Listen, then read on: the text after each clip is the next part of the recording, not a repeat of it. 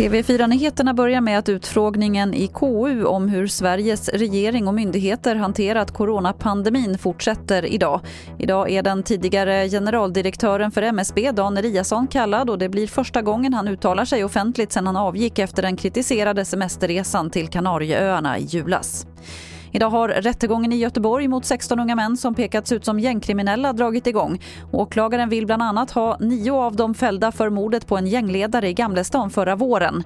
Inför rättegången har Göteborgs tingsrätt satt in extra säkerhetsåtgärder eftersom polisen ser det som en högriskrättegång. Till sist kan vi berätta att det är många som vill köpa sig en begagnad cykel. Intresset har slagit i höjden nu under pandemin.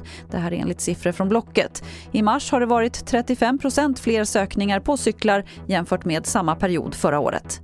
Men vi har sett intresse under flera år men eh, det stack iväg eh, väldigt mycket i fjol på grund av pandemin när folk ställde om sitt eh, resande. Man behövde kanske en cykel för att ta sig runt eh, och, då är det smidigare och, och mer miljövänligt än en bil. Så det, det tror jag är en aspekt. Det andra är liksom en ökad hållbarhetsaspekt i hela samhället. Det sa Tero Marjamäki som är kommunikationsansvarig på Blocket. Och det var det senaste från TV4 Nyheterna. Jag heter Lotta Wall.